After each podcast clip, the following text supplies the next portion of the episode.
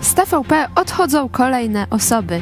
Wcześniej Danuta Cholecka, a teraz, jak ustaliła Wirtualna Polska, wypowiedzenie złożył Miłosz Kłeczek, znany z braku etyki dziennikarskiej, poniżania gości i ostrych dyskusji z politykami opozycji. A co się będzie działo, jak już koalicja dojdzie do władzy?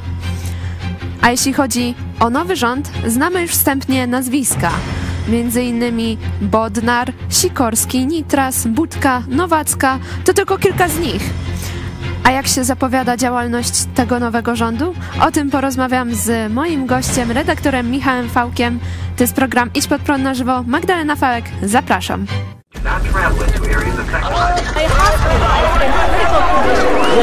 Przestępcami.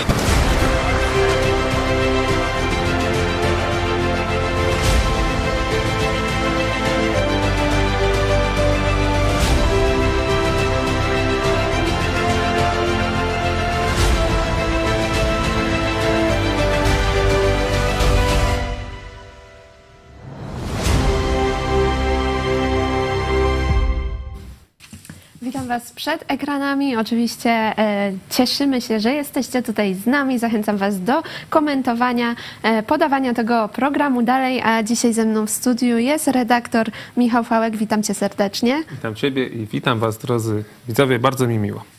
Oczywiście, e, jak zwykle, zaczniemy od e, krótkiego przeglądu informacji e, na sam początek. Pierwsza informacja, kolejni propagandyści odchodzą z TVP, jak właśnie ustaliła Wirtualna Polska. Teraz wypowiedzenie złożył Miłosz Kłeczek, który jest znany z ostrych dyskusji z politykami koalicji, z poniżania swoich gości i właśnie z takim brakiem dziennikarskiej etyki. No. Czy to jest dobra zmiana jeszcze przed rządami koalicji? E, Szczury uciekają z tonącego okrętu, jak widać. Mnie to bardzo cieszy.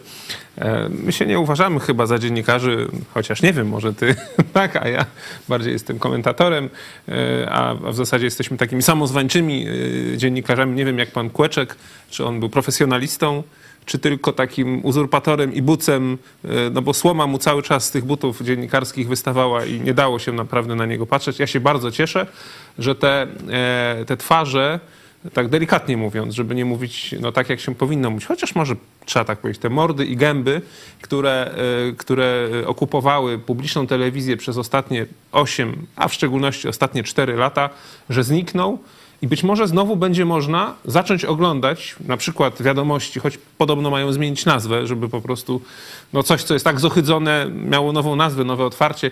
Więc ten program informacyjny o 19.30 być może znowu będzie można oglądać bez odruchu wymiotnego. Także to jest świetna wiadomość. Czek- TVN dotarł do listy nazwisk, e, które pojawią się w nowym rządzie Donalda Tuska. Też sam Donald Tusk już e, teraz e, przedstawił kilka z nazwisk, które, które będą w nowym rządzie. I wśród ministrów pojawia się Adam Bodnar, Radosław Sikorski, Sławomir Nitras czy Barbara Nowacka. Będziemy później jeszcze analizować te nazwiska, także inne, ale na sam początek, jakie są Twoje pierwsze wrażenia po usłyszeniu składu e, rządu? Nie jestem zaskoczony, bo rzeczywiście części z tych nazwisk należało się spodziewać i o nich już na takiej giełdzie, można powiedzieć, nazwisk się słyszało od jakiegoś czasu. No rzeczywiście będzie, e, będzie to rząd, przed którym stoją duże wyz- wyzwania. Po pierwsze, pewne decyzje będzie musiał podjąć natychmiast, to później powiemy, jakie decyzje. Praktycznie, zresztą pan Tusk już to zapowiada, że w pierwszych godzinach objęcia urzędu będą musieli podjąć, e, podjąć bardzo ważne decyzje niektórzy z ministrów. E, Pytanie, czy dadzą radę? Pytanie, jak będą sobie radzili e, z hejtem, który się będzie na nich wylewał ze strony do tej pory koalicji e, rządzącej, czy znaczy koalicji, no, partii rządzącej jedynej e, Prawa i Sprawiedliwości, a teraz to będzie opozycja.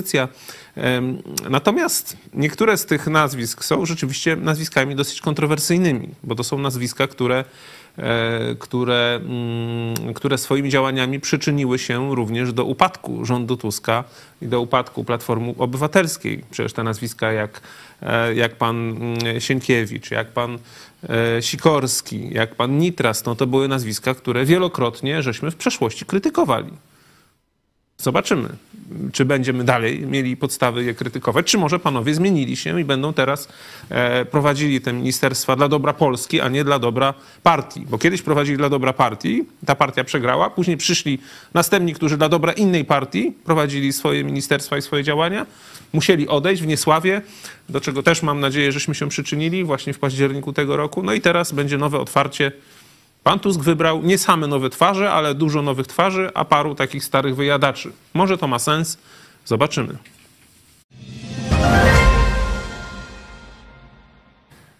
W najbliższych tygodniach ma się pojawić szczegółowy raport na temat e, przelewów na rzecz e, ryzyka z państwowych e, pieniędzy, ale już teraz wiemy, że ta suma to wynosi około 400 milionów złotych. Myślisz, że to jest cała kwota, czy jeszcze większości nie znamy? Większości to może nie, ale jakiejś tam części pewnie jeszcze nie znamy i pewnie jeszcze się dowiemy o, o kolejnych ministerstwach, które, które jak na przykład ostatnio Ministerstwo Zdrowia przesyłało na E, na, konto telewizji Trwam już po przegranych wyborach, czyli już praktycznie w listopadzie Ministerstwo Zdrowia dokonało dwóch przelewów dla, e, dla pana księdza Tadeusza Rydzyka.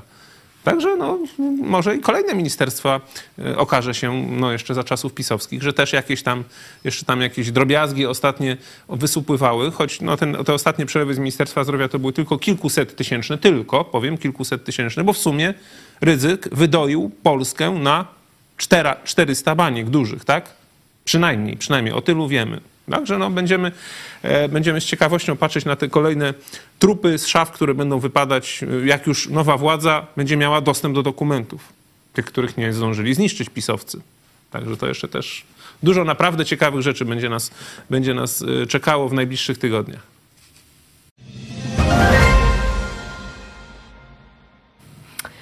A my przechodzimy już e, do e, głównej części naszego programu. Oczywiście e, zachęcam do subskrybowania naszego kanału, do podawania dalej, do pisania komentarzy i zadawania pytań, które później tutaj trafią do mnie i zadam je mojemu gościowi. Teraz właśnie Danuta Cholecka już wcześniej się mówiło o tym, że odchodzi.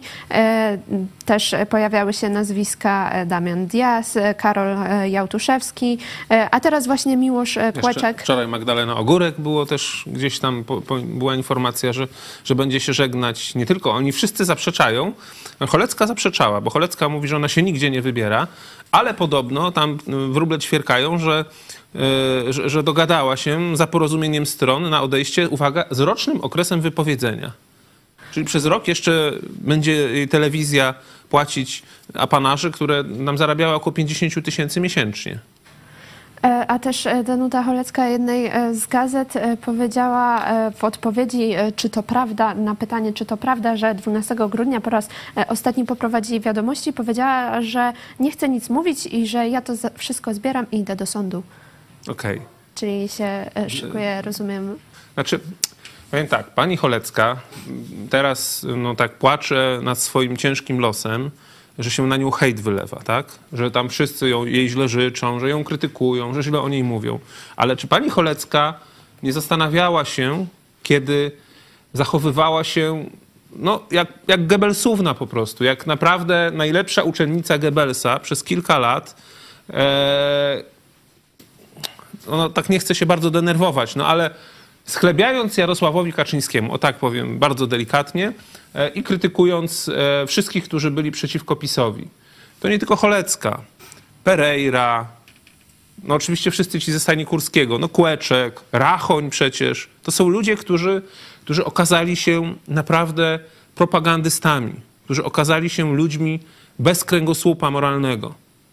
Mamy osobiste, można powiedzieć, historie. Z panem Rachoniem spotkaliśmy się, ja byłem na tym spotkaniu. I słyszałem to, co powiedział Pawłowi Chojeckiemu, pastorowi Pawłowi Chojeckiemu. Powiedział, że no ja pana szanuję, mniej więcej tak e, parafrazując, nawet się w wielu kwestiach z panem zgadzam, ale nigdy pana do naszej telewizji, do, do mojej telewizji nie, nie, zaproszę. Do mojej telewizji mówił, no nie? To jest jego telewizja była.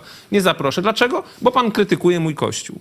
Pan Pereira, ten od tańca na róże,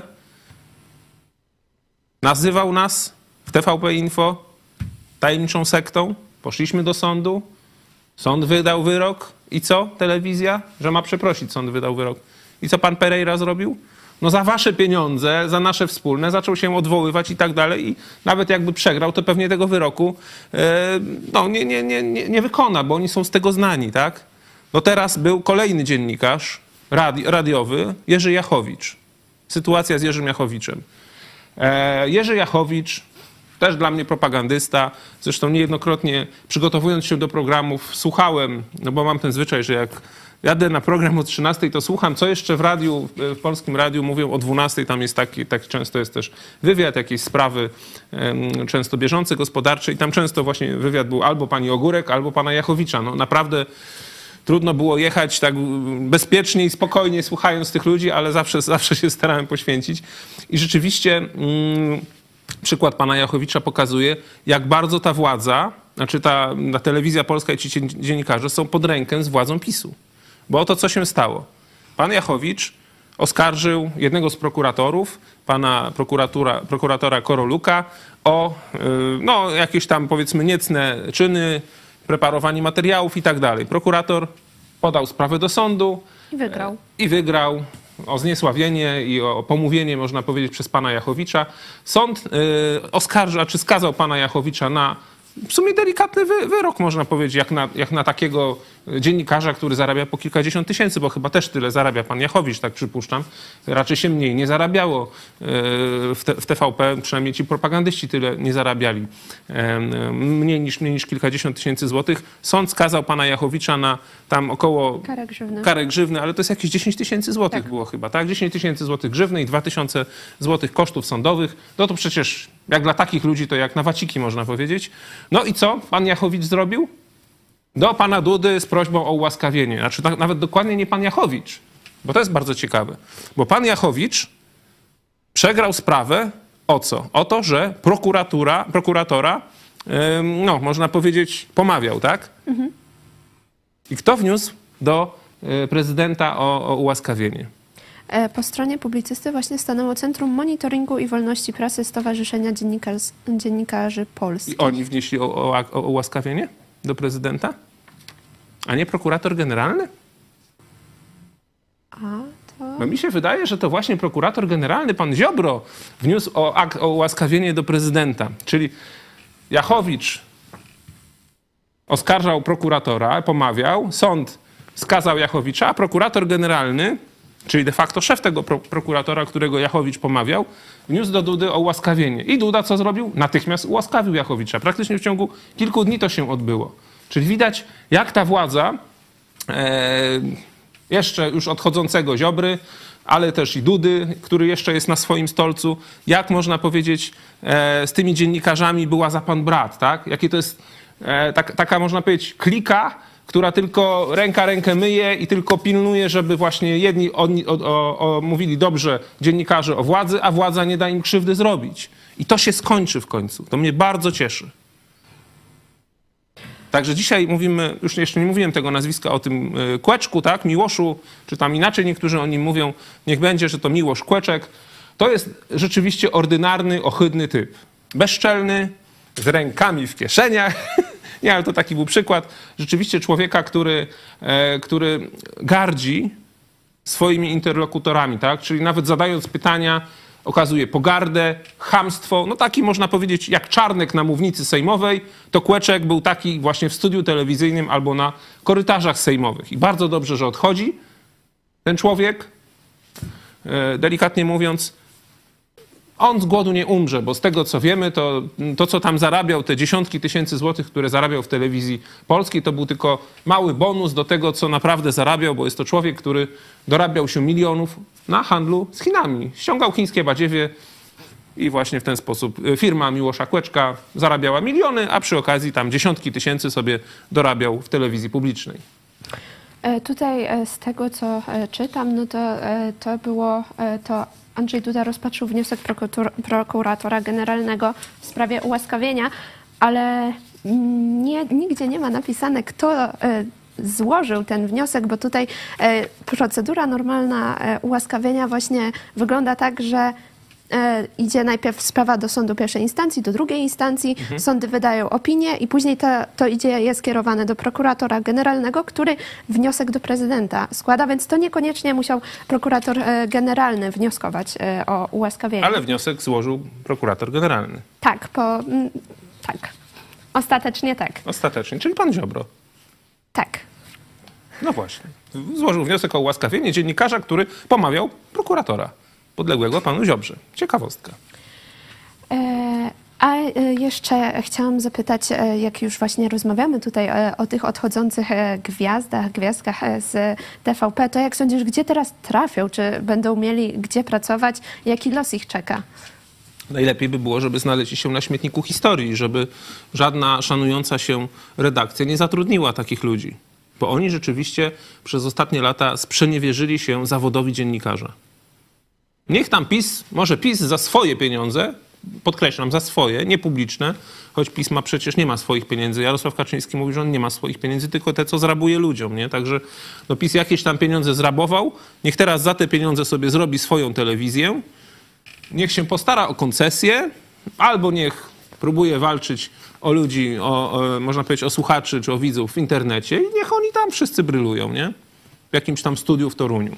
Przecież tam studia mają, nie? Takie medialne. Zresztą ciekawe, że nie, nie wiem, czy słyszeliście o takiej jednej z afer ostatnio. E, Jedna z tych afer ostatnio, gdzie Gliński e, kasę próbował transferować, to no, te takie setki milionów złotych, to było między innymi na jakiś tam oczywiście instytut, już mogę pomylić, no ale taki powiedzmy instytut tam dbania o tam historię, o rokokoko. Jednym z tam celów było, żeby w tym instytucie, który tam mieli zbudować, były nowoczesne studia telewizyjne.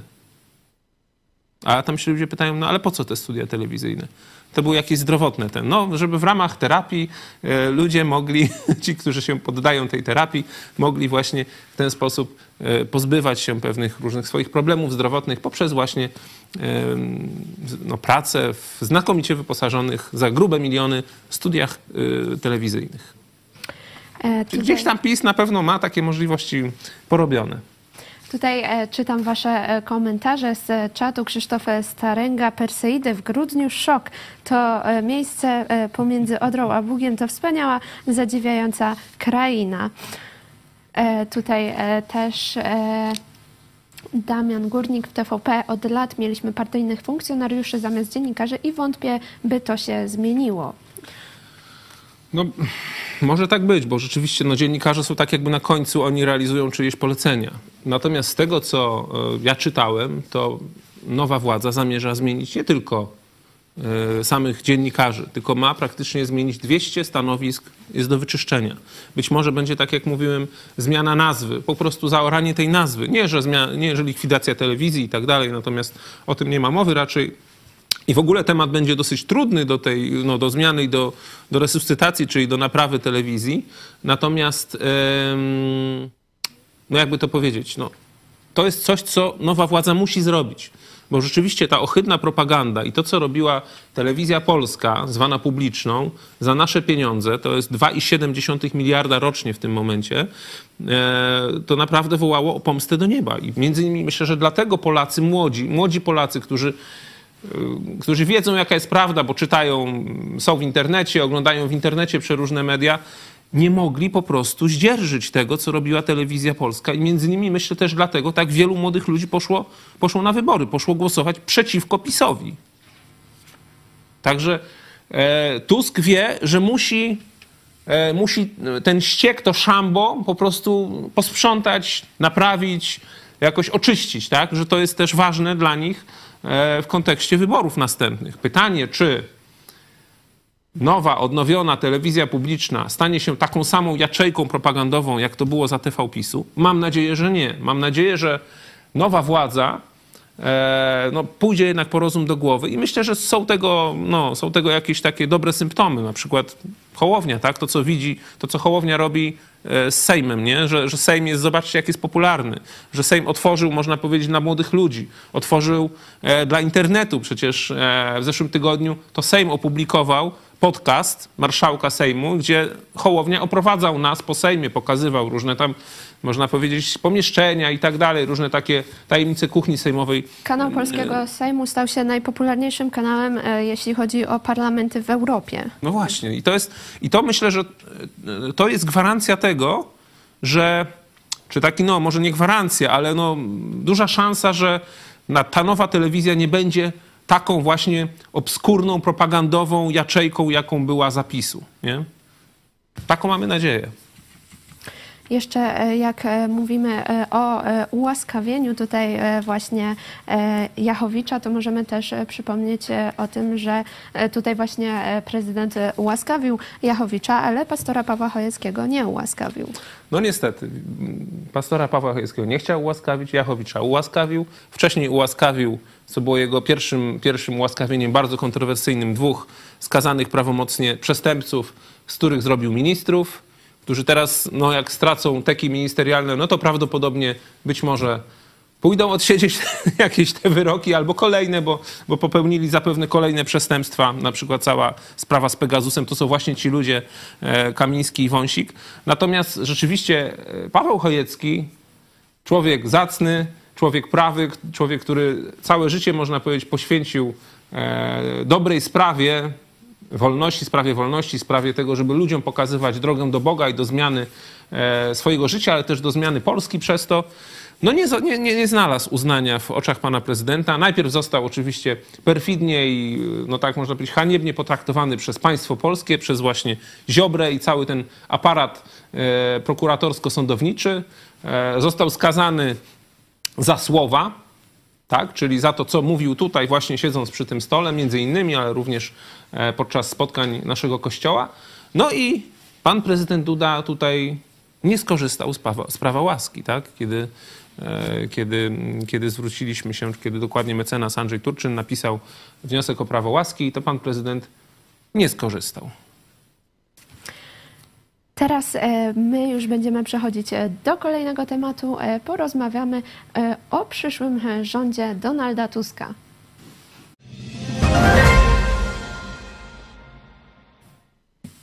Pojawiają się już listy nazwisk które, osób, które będą właśnie w rządzie Donalda Tuska. TVN dotarł do jednej listy, ale też Donald Tusk teraz podczas E, briefingu e, prasowego niedawnego e, zdradził już konkretne nazwiska, które będą, między innymi Radosław Sikorski, Barbara Nowacka, Dariusz Wieczorek, tutaj jeszcze z takich znanych Andrzej Domański, Adam Bodnar. Myślę, że przyjrzymy się teraz kilku tym nazwiskom jakbyś mógł e, skomentować, e, powiedzieć, co sądzisz e, o obsadzeniu w ten sposób stanowisk. Tutaj wicepremierami ma być Władysław Kosiniak-Kamysz i Krzysztof Gawkowski. Mhm, czyli w tym momencie daje E, partiom koalicyjnym. Bardzo ważne stanowiska. Pan Kosiniak-Kamysz będzie ministrem obrony i wicepremierem, a pan Gawkowski z Lewicy będzie ministrem cyfryzacji i wicepremierem, czyli zajmie miejsce Andruszkiewicza, czyli świni Andrusza. Będzie teraz pan Gawkowski. Mam nadzieję, że nie, nie ze świni się, tylko rzeczywiście będzie porządnym ministrem, choć to jest taki resort, można powiedzieć, taki mało widoczny, nie? no bo E, jak wszystko dobrze działa w tej, w tej kwestii cyfrowej, to wszyscy są zadowoleni, nie doceniają tego ministra. E, natomiast ważna jest bardzo ta teka, którą, którą obejmie pan Kosiniak-Kamysz, e, ministra obrony narodowej. E, tym bardziej, no, że wiemy, jaka jest sytuacja. Jest sytuacja taka, że mamy cały czas wojnę za wschodnią granicą, że polska armia do wojny ewentualnej, o której mówi się, że, że Rosja, jeżeli sobie poradzi z Ukrainą, to zaatakuje kraj NATO, to właśnie nawet e, no, przedwczoraj mówił prezydent Biden w Stanach Zjednoczonych, że Rosja po prostu e, pójdzie później i zaatakuje jeden z krajów NATO. No, jaki kraj NATO może zaatakować? No, między innymi może zaatakować Polskę lub kraje bałtyckie no przecież nie Węgry chyba. E, I tutaj stanowisko ministra obrony jest bardzo ważne, tym bardziej, że polska armia po pierwsze jest w procesie głębokiej modernizacji, zmiany uzbrojenia, zakupywania nowego uzbrojenia. Notabene dzisiaj została podpisana umowa, e, już nie ramowa, tylko umowa wykonawcza na, e, na zakup przez polską armię ponad 120 krabów. Uważam, że to jest dobra akurat, dobra akurat decyzja i dobra umowa. Lepiej kupować kraby czyli żeby polski przemysł miał zamówienia, niż ściągać z Korei setki, można powiedzieć, armatohaubic. To jest na ponad 120 czy 6 dywizjonów artylerii, e, także, także no, zobaczymy, nie? Zobaczymy tutaj, e, czy pan, czy pan Kosiniak-Kamysz poradzi sobie. Natomiast ja bym tutaj, jeśli chodzi o pana Kosiniaka-Kamysza, jedną rzecz przypomniał, jak on się zacnie i dobrze zachowywał w ostatnim czasie. Bo kiedy już było wiadomo, że rząd PiSu ma, ewentualny rząd PiSu ma tylko 194 szable i że to jest mniej niż 230, to wszyscy wiedzą, poza panem prezydentem Andrzejem Dudą, on cały czas się uczy i tego jeszcze nie rozumiał.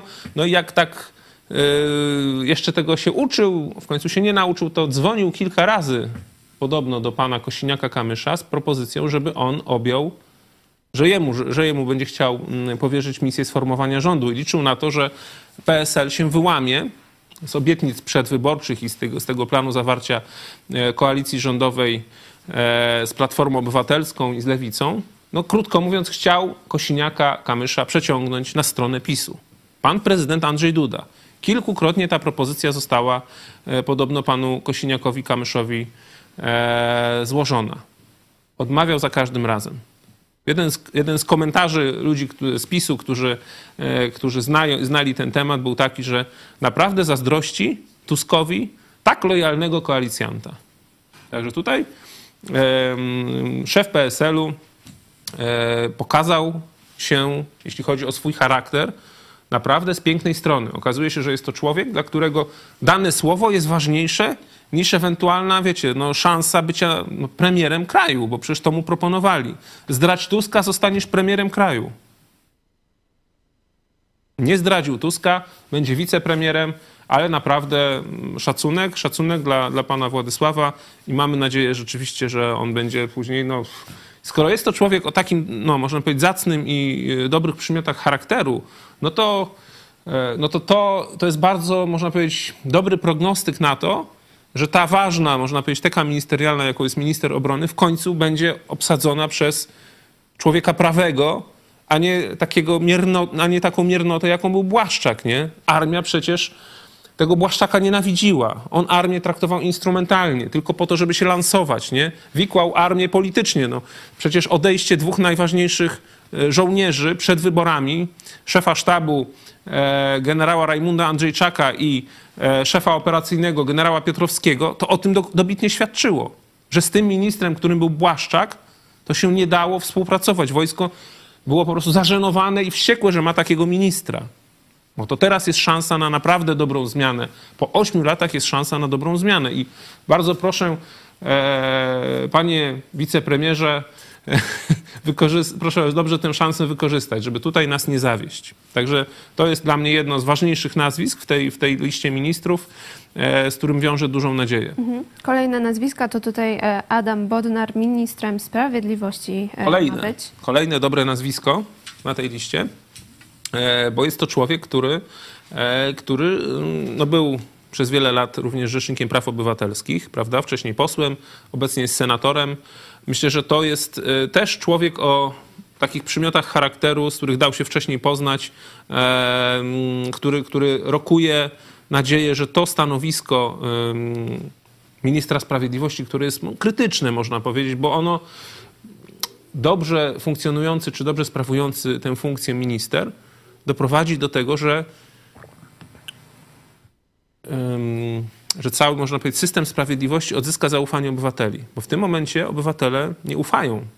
Mimo iż prawo i sprawiedliwość miało właśnie w swojej nazwie te dwie, te, dwie, te dwie ważne cechy państwa, prawo i sprawiedliwość, to w Polsce nie było prawa i sprawiedliwości.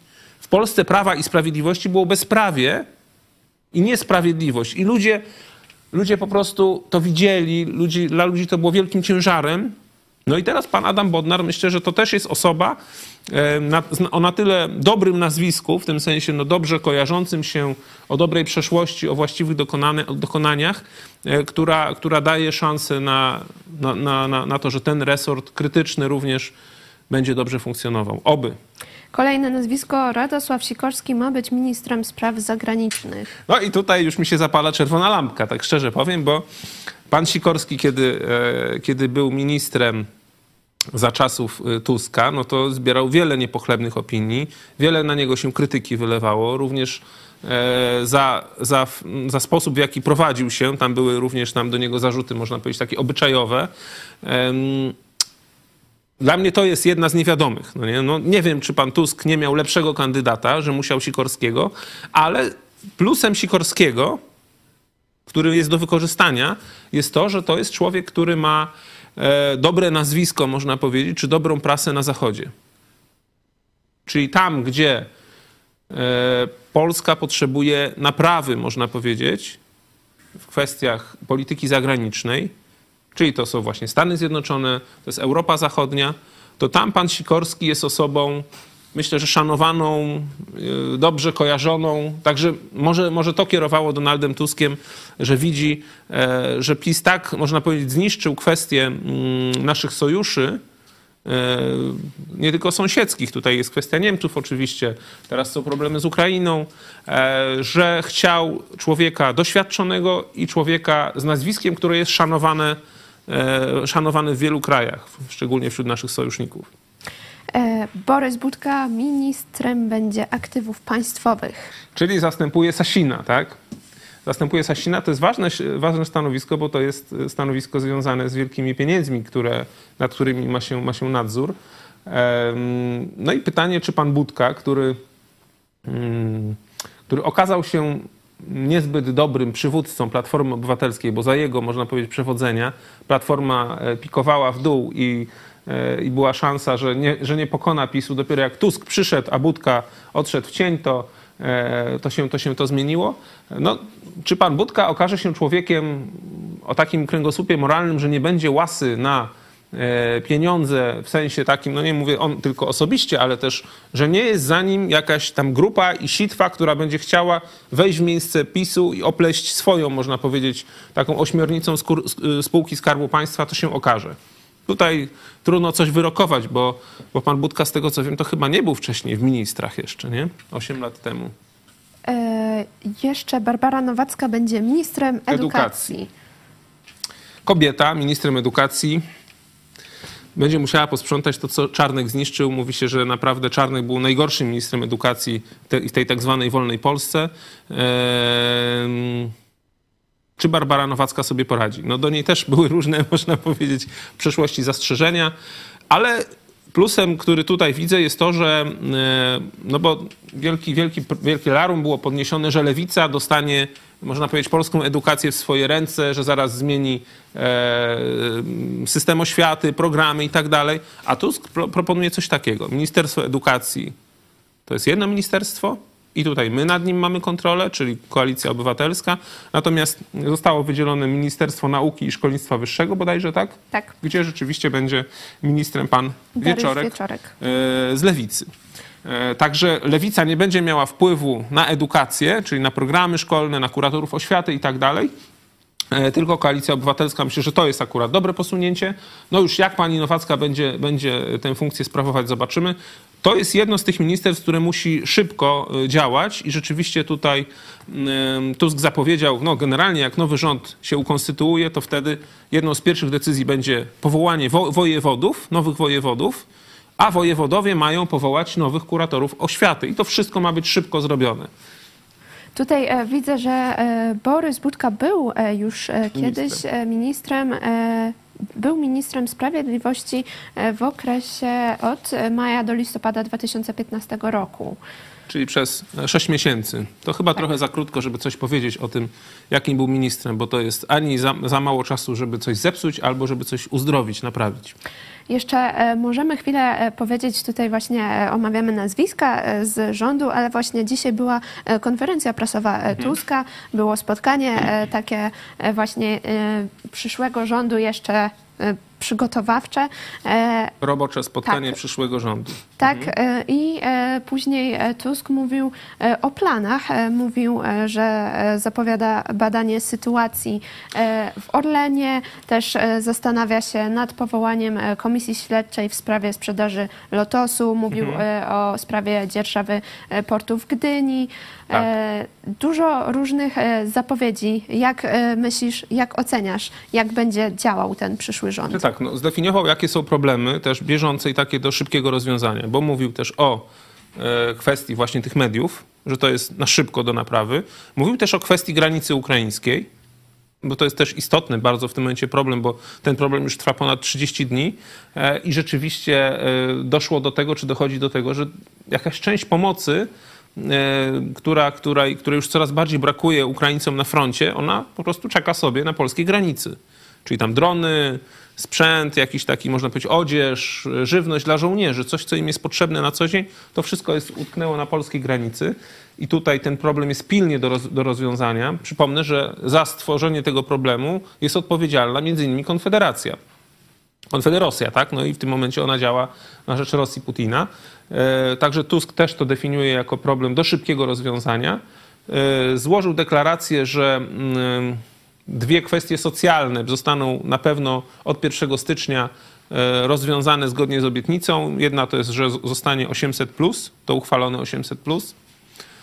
I mówi, że na to są środki w budżecie. No i mówi, że druga rzecz, e, zapowiedział, że druga rzecz, którą obiecywali, podwyżka dla nauczycieli 30% też wejdzie od 1 stycznia. I na to też są środki w budżecie zaplanowanym przez e, nowy rząd. Co ciekawe, nowy rząd będzie miał czas na uchwalenie budżetu do tam 29 stycznia bodajże. Także będzie mało czasu, bo jeszcze jest przerwa świąteczna. To my teraz e, w takim razie e, przejdziemy e, do kolejnego tematu. Porozmawiamy o właśnie tym odchodzącym rządzie i o tym, co się wydarzyło, a także o Mateuszu Morawieckim i podpisaniu zerowego VAT-u.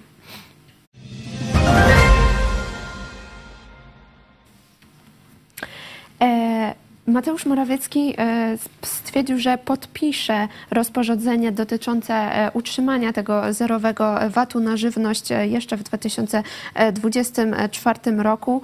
Sądzisz, że to dobry pomysł, bo tutaj od razu się pojawiają głosy, że no teraz nowy rząd, ten koalicji, mhm. który wejdzie, wejdzie, będzie miał na starcie 14 miliardów złotych w budżecie mniej mhm. tego braku wpływu e, VAT-u. Mhm.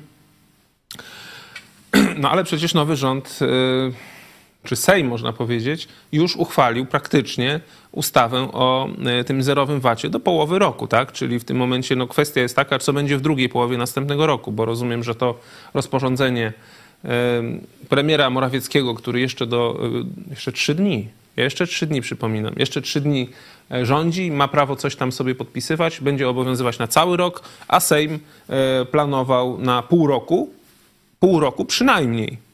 Bo ja powiem, co, e, znaczy przypomnę, co kierowało Sejmem, przynajmniej tak twierdzili politycy no, no, nowego rządu, który będzie, twierdzili, że dlatego nie uchwalają tej ustawy na cały rok, no bo jeszcze nie, zdą, nie mają, można powiedzieć, całego oglądu finansów publicznych. Dopiero jak zrobią audyty, jak będzie audyt finansów publicznych, to co też właśnie mówiłaś, że Tusk zapowiedział, to wtedy będzie widać, czy mm, stać nas na przedłużanie tego zerowego VAT-u w drugiej połowie następnego roku.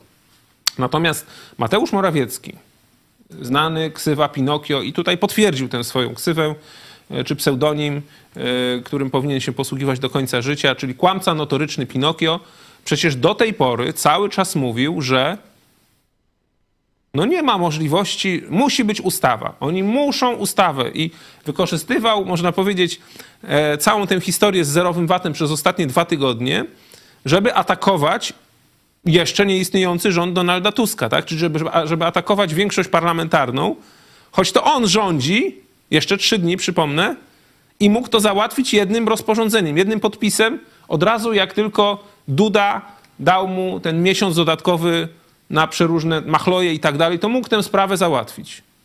Ale mówił, że się nie da, musi być ustawa, bo ustawa to ważniejsze, to będzie lepiej wyglądać i tak dalej. No widać, widać jaka to była gra, można powiedzieć, polityczna, a tak naprawdę tylko chodziło mu o to, żeby dokopać przeciwnikom politycznym, a nie, nie chodziło mu o Polaków. Polaków trzymał w niepewności, aż można powiedzieć do ostatniego prawie że dnia swojego rządu. I się okazało, że I się da okazało, się. że można, da się. No i dobrze. To teraz e, może e, podsumujmy e, ten dwutygodniowy rząd Mateusza Morawieckiego. Jak oceniasz działalność? Znaczy tak, rząd Jeszcze próbuje... trzy dni. Jeszcze trzy dni, tak, tak. na pewno y, co, co wiemy o tym, o tym, co rząd zrobił. Już w zasadzie mm, nie wiem, czy to jeszcze Gliński robił, ale w każdym razie no, podjęli próby dalszego betonowania mediów publicznych bo wysłali, i to już chyba nowy rząd, do Rady Mediów Narodowych zmiany statutów telewizji publicznej i radia publicznego, które uniemożliwiają praktycznie postawienie w stan, w stan likwidacji. E, no, czyli można powiedzieć, zabezpieczają się na przeróżne scenariusze likwidacji, znaczy likwidacji, naprawienia mediów publicznych, których podobno Koalicja Obywatelska ma 16 czy 17 tych różnych scenariuszów przygotowanych. E, także PiS tutaj próbował, próbował pewne rzeczy robić i to jest też jedna z tych decyzji, które nowy minister będzie musiał szybko podjąć, ponieważ Rada Mediów Narodowych zaopiniowała pozytywnie te zmiany statutu i to chyba minister kultury, tak mi się wydaje, właśnie to nadzoruje, czyli wcześniej Gliński, i zostały wysłane te zmiany statutów do Krajowego Rejestru Sądowego, czyli do sądu rejestrowego, żeby zatwierdził te zmiany statutów. I teraz jak nowy minister przejmie władzę we wtorek lub w środę, to zależy, jeszcze tutaj będzie cała ta, e, można powiedzieć, zabawa z, z panem prezydentem Andrzejem Dudą, bo pytanie, czy on wróci z, naj, z nart w Szwajcarii, czy sobie tam, nie wiem, nóżki nie złamie i tak dalej, i czy będzie mógł E, zaprzysiąc nowy rząd, zobaczymy. Jak nowy minister obejmie resort, to musi od razu wycofać, można powiedzieć, decyzję, czyli no, o, o tej zmianie statutów, która była przeprowadzona tylko po to, żeby uniemożliwić naprawę mediów publicznych. Także e, to można powiedzieć mają na swoim sumieniu, e, o czym wiemy. Wydaje się, że za dużo już nie mogli nakraść, nie? że wszystko, co złego było przygotowane i zrobione, to jeszcze zrobili ci źli ministrowie E, no, którzy prawdopodobnie będą mieli być może zarzuty karne, jak pan Gliński, jak pan Czarnek, jak pan Ziobro. No to są ludzie, którzy, można powiedzieć, marnowali, to wczoraj o tym było w naszym programie, marnotrawili, czy krótko mówiąc, kradli państwowe pieniądze, no i za tę kradzież jako złodzieje powinni odpowiedzieć. Wydaje się, że w tym nowym rządzie, tym dwutygodniowym rządzie rotacyjnym, takich złodziei się no, nie, nie zdążyli po prostu jeszcze może się zorientować, co tam można ukraść, albo może rzeczywiście to byli ludzie, którzy tylko zostali wstawieni na chwilę i wiedzieli, że nie mogą zrobić nic złego, bo za to odpowiedzą, bo już wiedzą, że ten rząd nie przetrwa, prawda? Także no, chyba nie byli na tyle głupi, żeby popełniać przestępstwa w ciągu tych dwóch tygodni. Także ten rząd niczym specjalnym się nie wsławił. No dzisiaj właśnie, mm, tak jak wcześniej mówiliśmy, Morawiecki podpisał e, rozporządzeniem VAT zerowy. E, Błaszczak parafował umowę z Hutą Stalowa Wola, dokładnie no, z tą z polską grupą zbrojeniową na 10 miliardów złotych na zakup krabów. No to to są takie, można powiedzieć, dwie decyzje ważne tego rządu, o których, można, o, o których wiemy. Co będzie dalej? No, Ziobro jeszcze próbował, tak, znaczy to już nie Ziobro, bo Ziobro to jeszcze wcześniej, ale można powiedzieć, w ciągu tych dwóch tygodni jeszcze tutaj pan prezydent się, się, się zasłużył, e, negatywnie oczywiście, e, tamtych kolejnych e, sędziów do, do KRS-u, czyli tak zwanych neosędziów próbują ukonstytuować, umocować za przysiąc. Nie? Także tutaj próbują cały czas jeszcze wykorzystać do ostatniej chwili to, że są przy władzy, żeby zabetonować swój układ.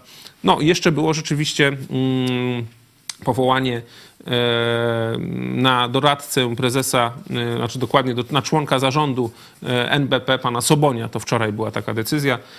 Ważny, znakomity ekonomista, który wsławił się wprowadzeniem i nadzorowaniem Polskiego Ładu, bo również Soboń był odpowiedzialny za Polski Ład bo jak Patkowski tam wszystko zwalił na, na początku, to Soboń przyszedł mu po, po, pomóc, no i dalej jest, dalej jest nienaprawiony. Ten polski ład dalej fatalnie funkcjonuje. Soboń też jest za to odpowiedzialny. To teraz będzie doradzał, znaczy będzie no, członkiem zarządu w NBP z pensją tam kilkudziesięciu tysięcy złotych miesięcznie. To jak już e, mówimy o tym dwutygodniowym e, rządzie, który e, teraz kończy swoją już, mamy nadzieję, działalność, kadencję, to teraz jeszcze chwilę powiemy o poprzednim rządzie, poprzednim rządzie PiSu i o tym, jak to rozkradali państwo.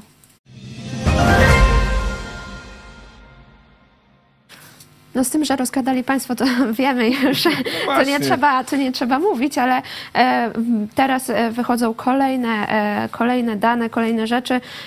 W sumie ponad około 400 milionów złotych poszło na instytucje związane z ojcem Tadeuszem Rydzykiem z państwowych e, pieniędzy. Takie są wstępne dane, a ma być e, w ciągu, e, w najbliższym czasie, ma być szczegółowy raport na ten temat. Wiadomo, że najhojniej dofinansowanie poszło na Muzeum Pamięci i Tożsamości. E, To około e, 220 milionów e, złotych miało Mhm. pójść e, na to. Ono działa od października 2023 roku. Czyli zdążyli. Tuż przed. Czyli, czyli W zasadzie no tak na oddanie władzy działa, tak? Czyli pamięć i tożsamość, ale to, to PIT brzmi. Powinno być jakoś PiS, żeby, żeby był skrót. Coś, coś, coś tam z tą nazwą e, pomylili, myślę. e, kolejne kilkadziesiąt milionów złotych e, na Akademię Kultury Społecznej i Medialnej e, w Toruniu, e, ponad 50 milionów złotych na budowę geotermii, Mhm. bardzo ciekawa inwestycja i ponad 30 milionów złotych dla telewizji Trwam. Tutaj Tutaj przelewy szły nawet w listopadzie do telewizji Trwam. Co ciekawe, z funduszu onkologicznego. Z różnych e, funduszy, z różnych e, Z też e, Ministerstwa Zdrowia, ministerstw, tak. właśnie z Ministerstwa Zdrowia, z Ministerstwa Kultury szły pieniądze. Czy myślisz, że to zostanie rozliczone, zwrócone? Czy to O, obawiam się, że trudno będzie odzyskać te pieniądze. Tym bardziej, że pan Rydzyk to jest jakiś taki mm, wspaniały biznesmen, który cały czas tam woła o, o wsparcie do, do swoich tych mm, słuchaczy. No w sumie my też prosimy was o wsparcie, bo rzeczywiście e, telewizje czy media powinny funkcjonować dzięki, dzięki wsparciu słuchaczy. No pan Rydzyk cały czas mówi, że mu brakuje i pewna. prosi o wsparcie, bo mówi nie starcza nam, nie starcza, a jednocześnie przytula grube miliony, nie? Czyli bo gdzie on te miliony to ładuje? wsparcie od państwa? No właśnie, on dostaje wsparcie od państwa, ale cały czas wyciąga też rękę po wsparcie do swoich widzów, mówiąc, że mu brakuje, nie? Czyli 400 milionów dostał i mu brakuje. I jeszcze mu mało, nie? Jeszcze cały czas żąda, żąda od swoich widzów. No my dla, dla, dla y, można powiedzieć, dla kontrastu jesteśmy medi- medium, które nie wyciąga e, ręki po wsparcie od państwa i nie zamierza tego robić, e, a jedynie funkcjonujemy dzięki, dzięki temu, że wy nas wspieracie. Myślę, że tak powinno być właśnie z rzetelnymi mediami, bo jeżeli media dostają dziesiątki czy setki nawet milionów od państwa, no to chyba nie dostają tak za nic. Nie? No to krótko mówiąc, musi się ten ryzyk później tej władzy odwdzięczyć. No i chyba za mało dostał, że się za słabo odwdzięczył, że ta władza przegrała. No cóż, Ale to dobrze. A czy te pieniądze się odzyska? Nawet jeżeli się nie odzyska, to dobrze by było, żeby ci, którzy brali udział w tym procederze wyciągania czy dojenia w taki, można powiedzieć, bezczelny i e, no, niesprawiedliwy mm, e, sposób budżetu państwa, żeby oni po prostu e, trafili do, do projektu Cela Plus. Nawet jeżeli tych pieniędzy się nie odzyska, to ci, którzy brali udział w tym procederze, powinni być na wiele lat w, w programie, objęci programem rządowym Cela Plus. Czyli i ci, co dawali, podpisywali takie decyzje, no i ci, którzy tak przytulali, to też mogą. Ja może teraz e, trochę oddam głosu naszym widzom, bo tutaj e, dostaję dużo komentarzy. E, Damian Górnik, ja tylko przypominam, że to nie jest nowa władza, dlatego ciężko mi podzielać ten entuzjazm i nadzieję redaktora Michała na dobre zmiany i też w tym e, podobnym tonie e, Kasia Mrok, e, tak na siłę próbujecie szukać pozytywów. No cóż, ja akurat jestem osobą o takim dosyć optymistycznym usposobieniu i charakterze. E, I tak jak mówię, no pewne rzeczy budzą mój niepokój, pewne rzeczy, e, czy pewne osoby, które, e, które są w, w tej nowej władzy, czy pewne nazwiska, to są nazwiska, które żeśmy słusznie krytykowali. Jeżeli będą zasługiwali na krytykę, to też będziemy ich krytykowali. Naprawdę bądźcie o to spokojni. Natomiast myślę, że mm, co do samego pana Tuska, nie? Mm, Pytanie, czy to jest człowiek, który przez te 8 lat się zmienił. On nie był w Polsce przez wiele lat. Nie? No, widział, można powiedzieć, Polskę z pewnej perspektywy, widział też, jak funkcjonują inne państwa, jak funkcjonuje no, system europejski, światowy. I pytanie, czy e, on dalej jest tym człowiekiem, który tylko lubił haratać w gałę, tak, jeszcze te 10 lat temu, bo za to żeśmy go krytykowali, że on zamiast rządzić, to tylko latał sobie haratać w gałę. Pytanie, czy on jest tym człowiekiem, czy się zmienił, dojrzał, spokorniał i e, będzie chciał teraz nie dla swoich partykularnych korzyści rządzić, tylko rządzić dla dobra Polski. Ja mam taką nadzieję po prostu, bo myślę, że e, ci ludzie, niektórzy przynajmniej, no przynajmniej on na takiego człowieka mi wygląda, na człowieka, który przejrzał na oczy i zobaczył, do czego doprowadziła jego buta i jego pycha e, i jego złe rządzenie 8, 9, 10 lat temu, doprowadziło do tego, że władzę przejęli ludzie, którzy e, pod, można powiedzieć, hasłami dobrej zmiany tę Polskę zniszczyli i niszczyli. No i w tym momencie Tusk ma okazję, można powiedzieć, naprawić swoje błędy i naprawić to, co sam spaprał, kiedy miał możliwość rządzenia przed PiSem. I źle to robił, nie? Jeszcze e, Umberto C. Rotolini e, w sprawie e, tutaj do tematu o TVP, a ja uważam, że wielu z nas już zapomniało o TVP i znalazło sobie inne alternatywy, na przykład telewizję Idź Pod Prąd i nie będzie nawet szukać jej po zmianie. Tutaj chodzi tak, to się zgadza, że wielu naprawdę zapomniało. Mi też na przykład nie brakuje TVP, choć jak PiS przejął władzę 8 lat temu, to się cieszyłem z każdego wydania wiadomości, bo właśnie widziałem, jak, jak są takie komunikaty, że będziemy naprawiać to, co PO zniszczyło, będziemy ich rozliczać i tak dalej. Później okazało się, że to tylko były słowa, a później się zaczęła propaganda i zaczęło być niedobrze po prostu ludziom, którzy, którzy włączyli choć na chwilę e, TVP i sobie rzeczywiście znalazłem inne media, poza telewizją iść pod prąd, jakieś inne media, żeby zdobywać wiedzę. E, no ale jest duża część społeczeństwa, szczególnie starsi ludzie, którzy gdzieś tam żyjąc na wsiach, mają w zasadzie tylko TVP. Oni nie przełączą sobie kanału i oni nie znajdą sobie w internecie swojego medium. Nawet niestety telewizji iść pod prąd. I teraz chodzi o to, żeby do tych ludzi płynęła rzetelna, prawdziwa informacja. Nie propaganda teraz Hołowni czy Tuska, ale też nie propaganda PiSu. Nie taka toporna, siermiężna, gebelsowska propaganda PiSu, jaka, jaka płynęła przez ostatnie lata. Chodzi o to, żeby te media były uczciwe, żeby mówiły prawdę, żeby pokazywały błędy rządzących, żeby pokazywały też, co opozycja mówi, jak krytykuje i tak dalej, tak? Żeby była jakaś, jakiś, można powiedzieć, sens i kultura w takiej przestrzeni informacji publicznej. Bo to, do czego mm, doprowadziło TVP, no to jest naprawdę do zaorania i do wyrzucenia na śmietnik historii. E, jeszcze Damian Górnik e, w sprawie e, tutaj składu nowego rządu. Kosiniak-Kamysz to powinien objąć resort rolnictwa albo zdrowia, a nie pchać się w ministerstwo do MONU. To świadczy tylko, że idzie tam dla koryta. Do MONU powinien iść fachowiec w tej dziedzinie, a nie laik. Jest to argument. Jest to argument. Rzeczywiście, może lepiej by było, żeby był jakiś generał, na przykład o, uznanych, o uznanym, znanym nazwisku, może na przykład były szef sztabu pan Rajmund Andrzejczak, ale chodzi też o to, że e, jednak Polska ma taki system funkcjonowania państwa, że jest cywilna tutaj mm, kontrola nad armią, czyli to powinien być cywil. No i teraz może Kosiniak-Kamysz okaże się jednak dobrym człowiekiem na tym stanowisku. No dajmy mu szansę, tym bardziej, że tak jak mówię, okazał się człowiekiem o y, takim rzeczywiście spokojnym, zrównoważonym charakterze i takiej wielkiej uczciwości, e, co, co dobrze wróży. Natomiast faktycznie e, faktycznie tutaj y, jeszcze tam wielu tam innych nazwisk nie mówiliśmy, tylko kilka mówiliśmy, ale no mi żal na przykład, że, e, że ministrem finansów nie został na przykład pan Kluska, tak? Czyli to byłby człowiek, który by się nadawał na to miejsce. Ma być Andrzej Domański. No ma być Andrzej Domański, dla mnie jest to osoba nieznana.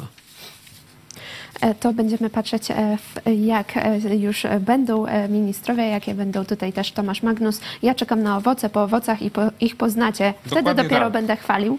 A jeszcze Sławomir, to jest nowa, stara władza, ale może po facelifting. Na pewno jest to władza, której zadaniem jest odspawać PiS, tak? I wymierzyć sprawiedliwość, naprawić to, co PiS zniszczył. Natomiast E, zwróćcie uwagę, że ta władza została wybrana przez społeczeństwo świadome tego, czego chce. Nie? Że, że to ta wielka frekwencja i to, że szczególnie młodzi ludzie wybrali tę władzę, to też e, jest dowód, czy pokazuje, że ci młodzi ludzie będą tej władzy patrzeć na ręce. Będą tej władzy patrzeć na ręce i e, i już patrzą, widać tak, oglądalność patrzą. E, transmisji z Sejmu. Tak dalej. No, przykład tej, e, tej, wiecie, tej ustawy wiatrakowej, co PiS twierdzi, że to ogromna afera. No, nie jest to wielka afera, ale rzeczywiście jest to potknięcie tej władzy i już ona się zreflektowała, że nie możemy sobie na takie rzeczy pozwolić, że jakość stanowienia prawa, jakość, można powiedzieć, przedstawiania ustaw ma być, ma być na wysokim poziomie, tak? I nie chodzi o to, żeby coś ukrywać przed obywatelami, tylko żeby po prostu pokazać, że jest to zmiana w stosunku do tego, co było, w stosunku do pisania ustaw na kolanie i przepychania ich o drugiej w nocy, nie? Także tutaj ja już widzę pierwsze takie objawy czy oznaki zmian, które, na które, które mogą na, nadejść i na te zmiany czekamy, na te zmiany mamy nadzieję. To chyba nic złego w tym nie ma. A jak będzie to rzeczywiście? No zobaczymy za pół roku, jakie będą owoce e, rządzenia, rządzenia e, tej koalicji. Wtedy będziemy mogli je ocenić. Natomiast gwarantuję wam, jeśli będą się źle prowadzić, jeśli będą jakieś złe decyzje, będziemy ich krytykować. My nie jesteśmy u nich w kieszeni. Naprawdę. Także to Wam obiecujemy, a my teraz e, przechodzimy, przenosimy się za granicę.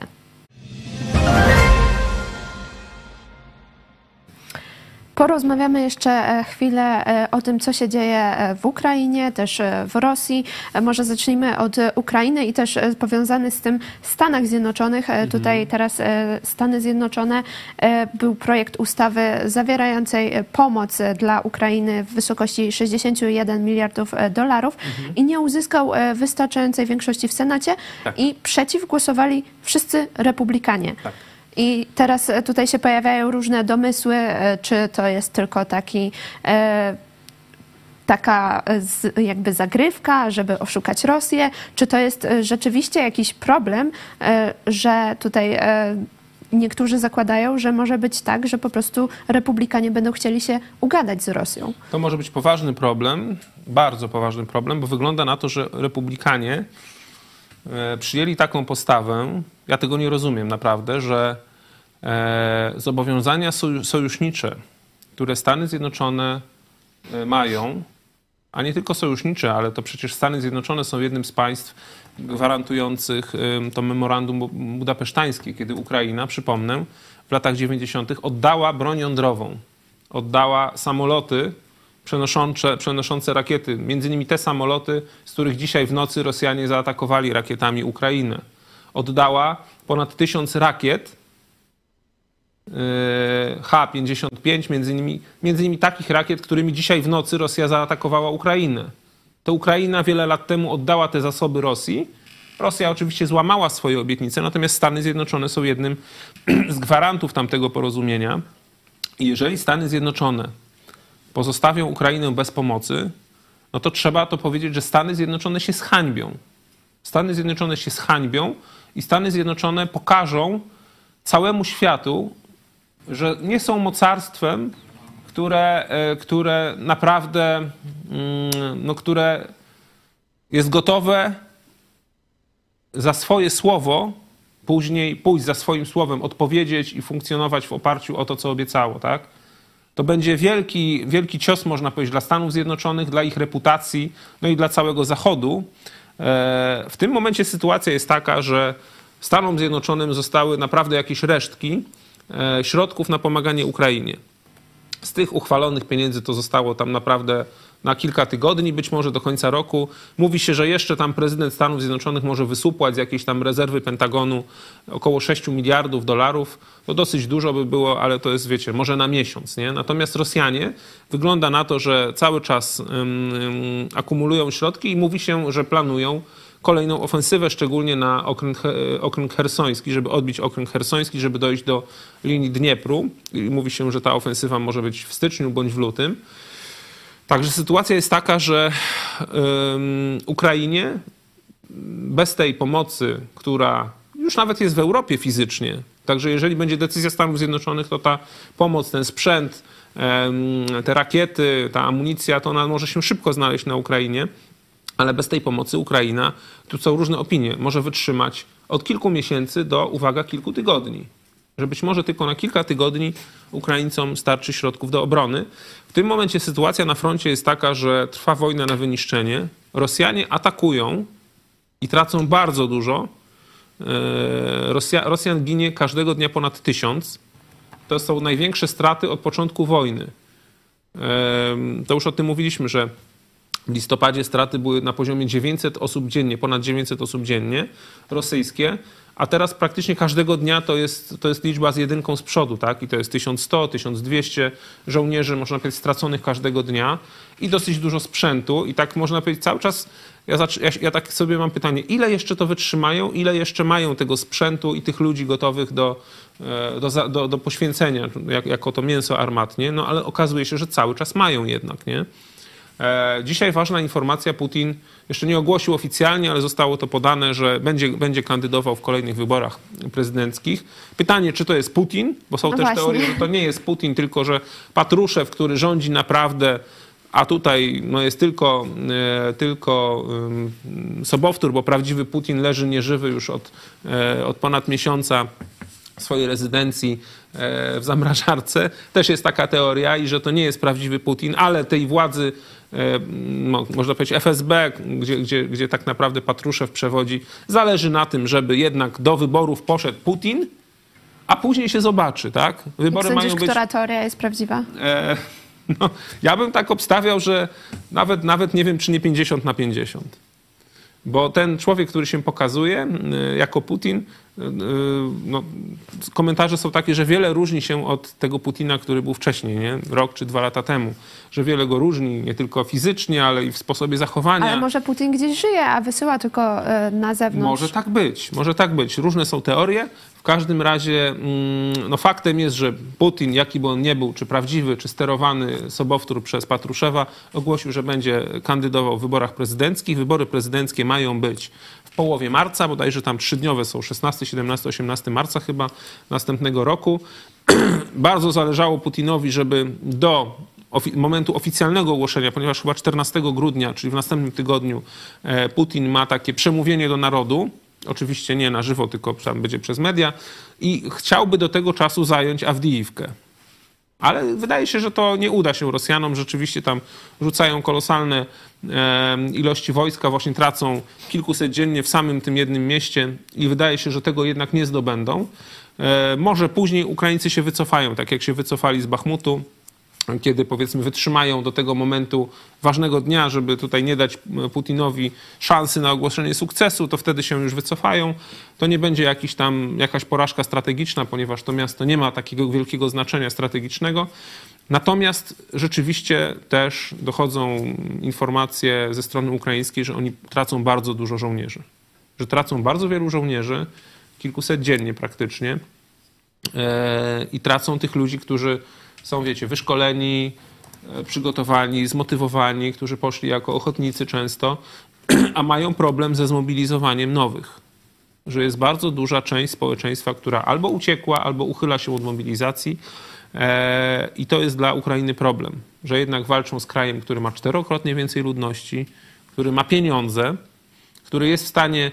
Rosja, zobaczcie, jaki zrobiła manewr. Przez ostatnie lata Putin doprowadził do tego, że wielka część Rosji stała się bardzo biedna.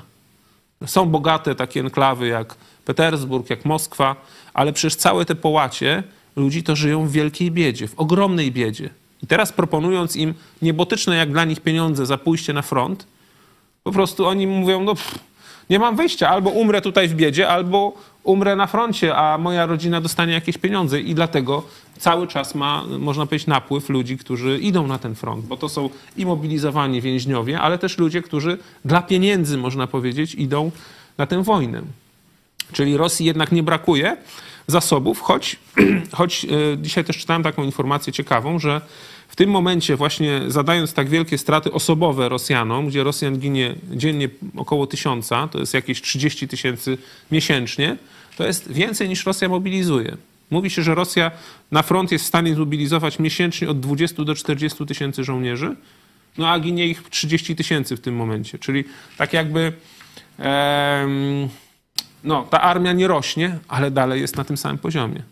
A ukraińska nie rośnie niestety. Nie? I to jest, to jest smutne. No jeszcze jest ta kwestia braku pomocy mhm. amerykańskiej, europejskiej. Tutaj przecież w przyszłym tygodniu e, ten szczyt Unii Europejskiej, na który już się wybiera nowy premier Donald Tusk, to też ma decydować o pomocy e, dla Ukrainy. Tutaj jest z kolei e, weto, weto Węgier spodziewane, które może w ogóle, wiecie, rozwalić pomoc europejską, która jest uzgodniona na 50 miliardów euro, a może okazać się, że w ogóle nie pójdzie ta pomoc.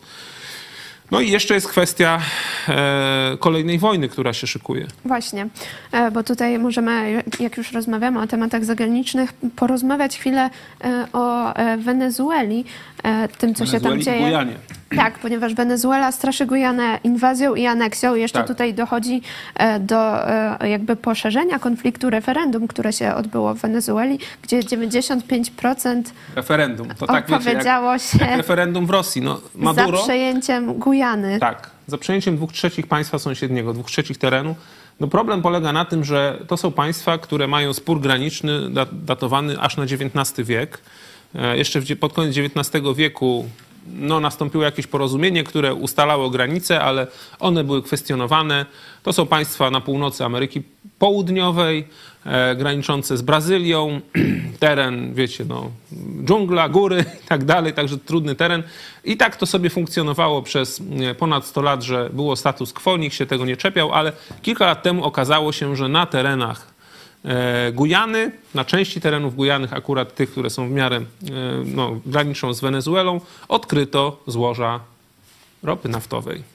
Właśnie Amerykanie, między innymi koncern Exxon, okrył tam bardzo duże złoża ropy naftowej. No i w tym momencie pan Maduro, czyli dyktator rządzący Wenezuelą, który zresztą doprowadził Wenezuelę z państwa bardzo bogatego, właśnie państwo, które ma ropę, które mogło być, wiecie, jak, jak ten, jak Emiraty Arabskie czy Arabia Saudyjska, no taką perłą, stało się takim pariasem, gdzie przecież widzieliśmy filmy e, kilka lat temu, które pokazywały, jak e, przy drodze walały się e, banknoty wenezuelskie. Nikt tego nie podnosił, bo wiecie, no, tam była inflacja idąca w setki, w tysiące, czy nawet nie więcej procent.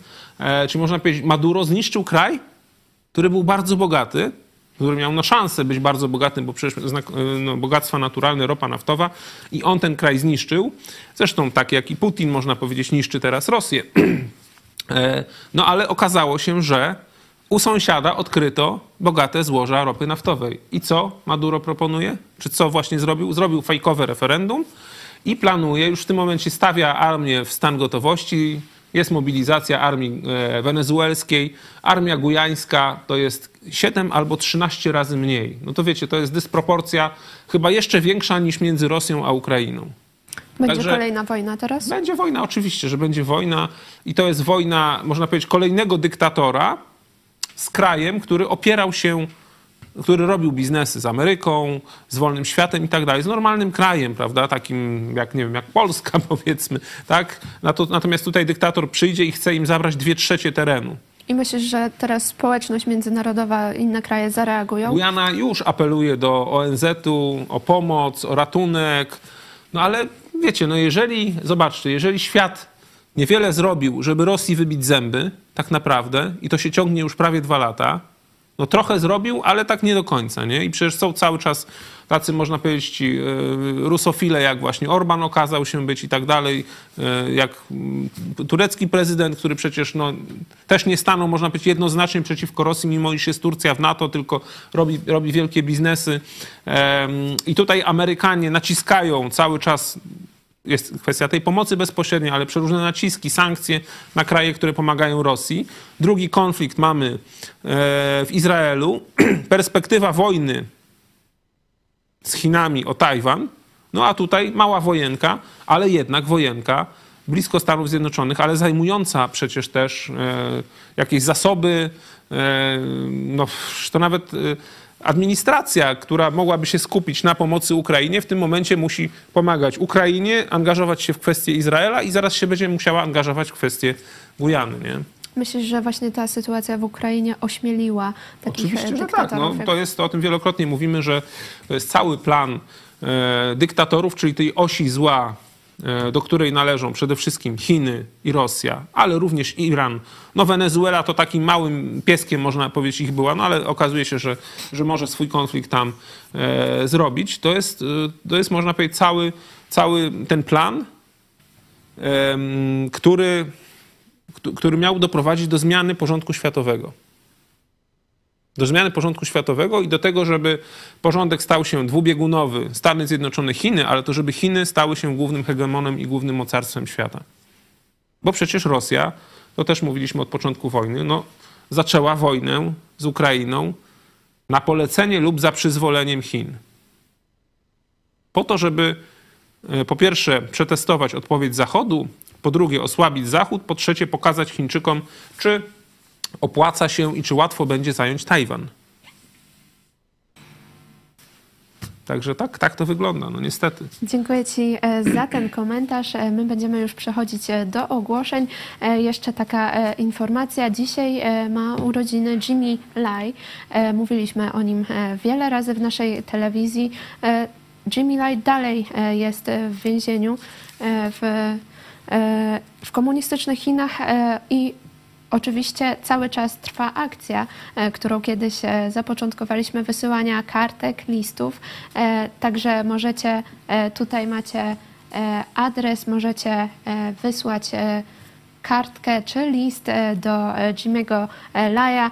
Jimmy Lai właśnie jest hongkońskim biznesmenem i został skazany przez siedzi e, w Hongkongu, ale tak naprawdę skazany został przez e, Chiny. komunistyczne e, Chiny. E, Także zachęcamy Was e, do wzięcia e, udziału e, w tej e, akcji. E, A z ogłoszeń e, mamy e, nowości, e, a jeszcze tutaj e, dostaję wiadomość, że ważne jest, żeby w listach nie pisać żadnych treści politycznych, bo wtedy one nie dotrą e, tam e, do e, Jimmy'ego Laja. E, Jeśli chodzi o e, nowości, to e, w sklepie Idź Pod Prąd e, możecie znaleźć drewniane ozdoby na choinkę, kartki świąteczne, magnesy z wersetami biblijnymi, czy puzzle z grafiką naszego rysownika Andrzeja Patalona, które przedstawiają polskich husarzy, także zachęcamy Was do odwiedzenia strony sklep idźpodprad.pl. E, A dzisiaj jeszcze ramówka na dzisiaj to o 17 e, info Idź Pod Prąd, a e, o 18 warsztaty biblijne Jak e, naprawić Polskę. Tutaj możecie swoje głosy już przesyłać teraz. Możecie pisać na kontakt małpa idźpodprad.pl a jutro w sobotę o 10 kolejny program dla dzieci, karta, kartka świąteczna Zrób ją z dzieckiem. E, Także e, po programie puścimy Wam krótką e, zapowiedź tego programu jutrzejszego o 10. E, A ja już Tobie dziękuję bardzo za udział w programie. Był ze mną redaktor Michał Fałek. Dziękuję Tobie i dziękuję Wam. Do zobaczenia. Ja również dziękuję Wam, że byliście z nami. Dziękuję Wam za wszystkie głosy i do zobaczenia. Co robimy? Bawimy się na śniegu. Jedziemy sankami. Tak, mamy fan. Ale wcześniej nagraliśmy program o kartkach świątecznych, o własnoręcznych kartkach świątecznych. Zapraszamy rodziców z dziećmi. Spróbujcie zrobić takie same.